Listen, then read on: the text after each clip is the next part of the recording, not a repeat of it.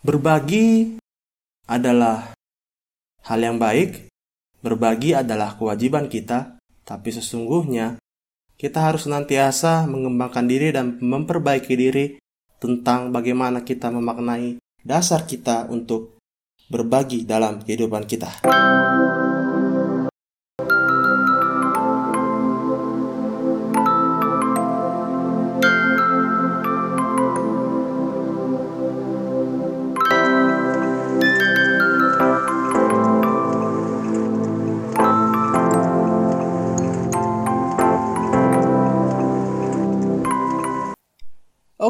Selamat datang di podcast kesayangan kita semua, podcast biasa aja. Udah bersama teman ngebacot kalian yang paling setia di podcast ini Sam Sialagan tentunya. Dan kali ini gue akan membahas sebuah topik yang semua orang menganjurkannya, semua ajaran baik menganjurkannya, semua agama menganjurkannya, seperti itu. Topik apa yang gue maksud? Topik tersebut adalah tentang berbagi bukan berbagi cinta kepada pasangan kalian yang membuat kalian menjadi budak cinta semata tentunya ya. Karena berbagi ini adalah hal yang sangat luas dan sangat penting untuk dibahas dan dimaknai dan yang paling penting adalah dilakukan. Oke, berbagi ini ataupun dalam bahasa lain mungkin sedekah apa pun itu menjadi tanda akan adanya rasa sepenanggungan rasa sepenanggungan, sepenanggungan ini rasa yang ketika kita melihat orang lain menderita kita merasakan bahwa itu adalah bagian dari diri kita dan apabila kita bisa membantu entah itu materi, moral ya kita bantu seperti itu. Itulah yang bisa aku definisikan tentang rasa sepenanggungan yang menjadi dasar dari semangat berbagi.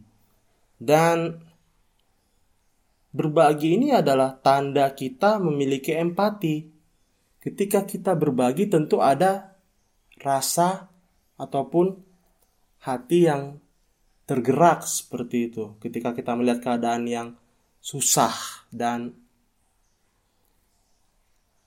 maka dari itu berbagi akan sangat membantu diri kita juga. Kita akan menjadi pribadi yang lebih dermawan, pribadi yang lebih peka terhadap keadaan sosial kita, dan orang lain yang menerima bantuan kita juga tentu akan merasakan rasa terima kasih, rasa syukur, dan terbantu dengan apa yang kita berikan kepada mereka seperti itu. Dan maka dari itu sangat wajar apabila banyak orang yang mengatakan bahwa berbagi ini menjadi hal yang penting untuk diajarkan sejak dini dan gue setuju dengan itu. Dan gue mencoba membagikan beberapa hal yang gue rasakan tentang berbagi ini. Oke, kawan-kawan gue semuanya, gue membagi rasa berbagi ini dalam tiga hal. Eh sorry, bukan tiga, berbagi dalam dua kategori. Yang pertama karitatif dan yang kedua transformatif. Jadi berbagi yang karitatif ini sifatnya satu kali bagi sudah selesai seperti misalkan ketika kita berikan bantuan kepada orang yang kelaparan di jalan, satu kali kasih nasi bungkus, entah nasi kotak, minuman, kita bagikan, selesai seperti itu. Apakah itu baik ya baik, dan harus kita lakukan ketika kita butuh seperti itu. Dan yang kedua adalah berbagi yang sifatnya transformatif. Jadi ini lebih kepada seperti bentuknya beasiswa, biaya hidup rutin yang kita berikan seperti itu dan ya ini sifatnya berlanjut, tidak cuma satu kali kasih seperti itu. Pertanyaannya adalah mana yang lebih baik? Semuanya itu baik. Yang perlu kita ingat adalah polanya ataupun cara kita ataupun kategori yang gue coba ceritakan ini mempunyai kelebihan dan kekurangannya masing-masing. Kita bisa renungkan bersama-sama. Kalau karitatif ya sekali kasih ya untuk saat itu Sementara kalau kita ingin membagikan sesuatu yang transformatif, kita perlu konsistensi dan juga tentu perlu materi apabila bantuan yang kita berikan materi tentunya. Tergantung kita mampunya di mana dan apa yang dibutuhkan oleh orang yang ingin kita bantu seperti itu. Dan motif seperti apa yang tepat, yang etis ketika kita memberikan bantuan kepada orang lain.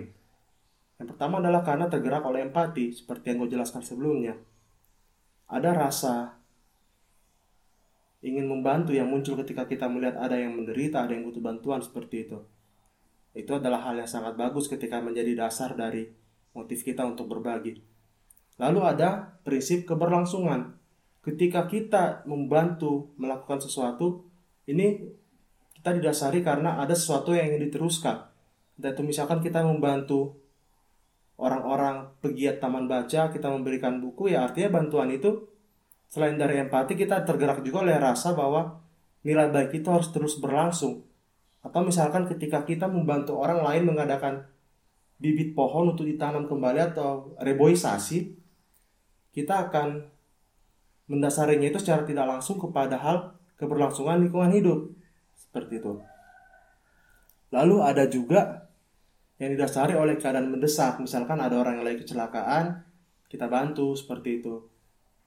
Meskipun kadang untuk membantu dalam kasus yang sangat mendesak ini ada yang tidak mau karena takut menjadi tanggung jawab dia sepenuhnya seperti itu dan itu kembali lagi ke kita apakah kita mau menanggungnya atau tidak itu akan kembali ke pertimbangan nurani masing-masing seperti itu dan inilah yang menjadi motif yang menurut gua etis ketika kita memberikan bantuan atau ya apa pun itu yang bisa membantu orang lain dalam keberlangsungan dirinya dan keberlangsungan hidupnya ataupun nilai-nilai penting yang harus kita pertahankan ketika kita membagikan sesuatu. Dan masih banyak lagi mungkin motif yang kalian bisa gali yang kalian bisa jadikan sebagai dasar untuk berbagi.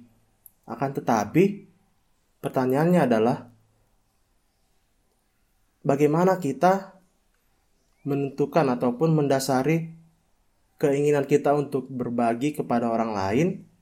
Nah, kalau gue sih bilangnya akan selalu ada motif ketika kita membantu orang lain, akan selalu ada dasar, akan ada selalu rasa tergerak ketika kita ingin membantu ataupun berbagi kepada sesama, kepada yang membutuhkan. Dan satu yang perlu diingat, kita boleh punya motif untuk berbagi, karena itu akan menggerakkan kita, akan tetapi motif itu tidak fokus ke keuntungan diri kita sendiri atau fokus kepada keuntungan dan kenyamanan kelompok kita sendiri. Seringkali kita berbagi karena kita menginginkan sesuatu. Seringkali kita memberikan sesuatu karena kita mengharapkan balasan. Misalkan ketika kita butuh nilai bagus, kita sogok guru, dosen. Ketika kita butuh proyek bagus, kita sogok klien.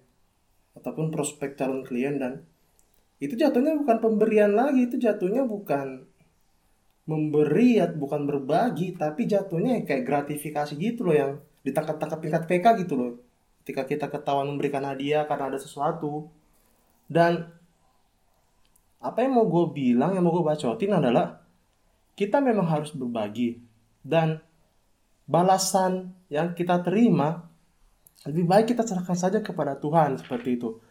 Karena akan percuma kita beribadah percuma kita mendalami agama apabila kita tidak mau buka hati untuk memasrahkan apa yang kita berikan itu kepada Tuhan.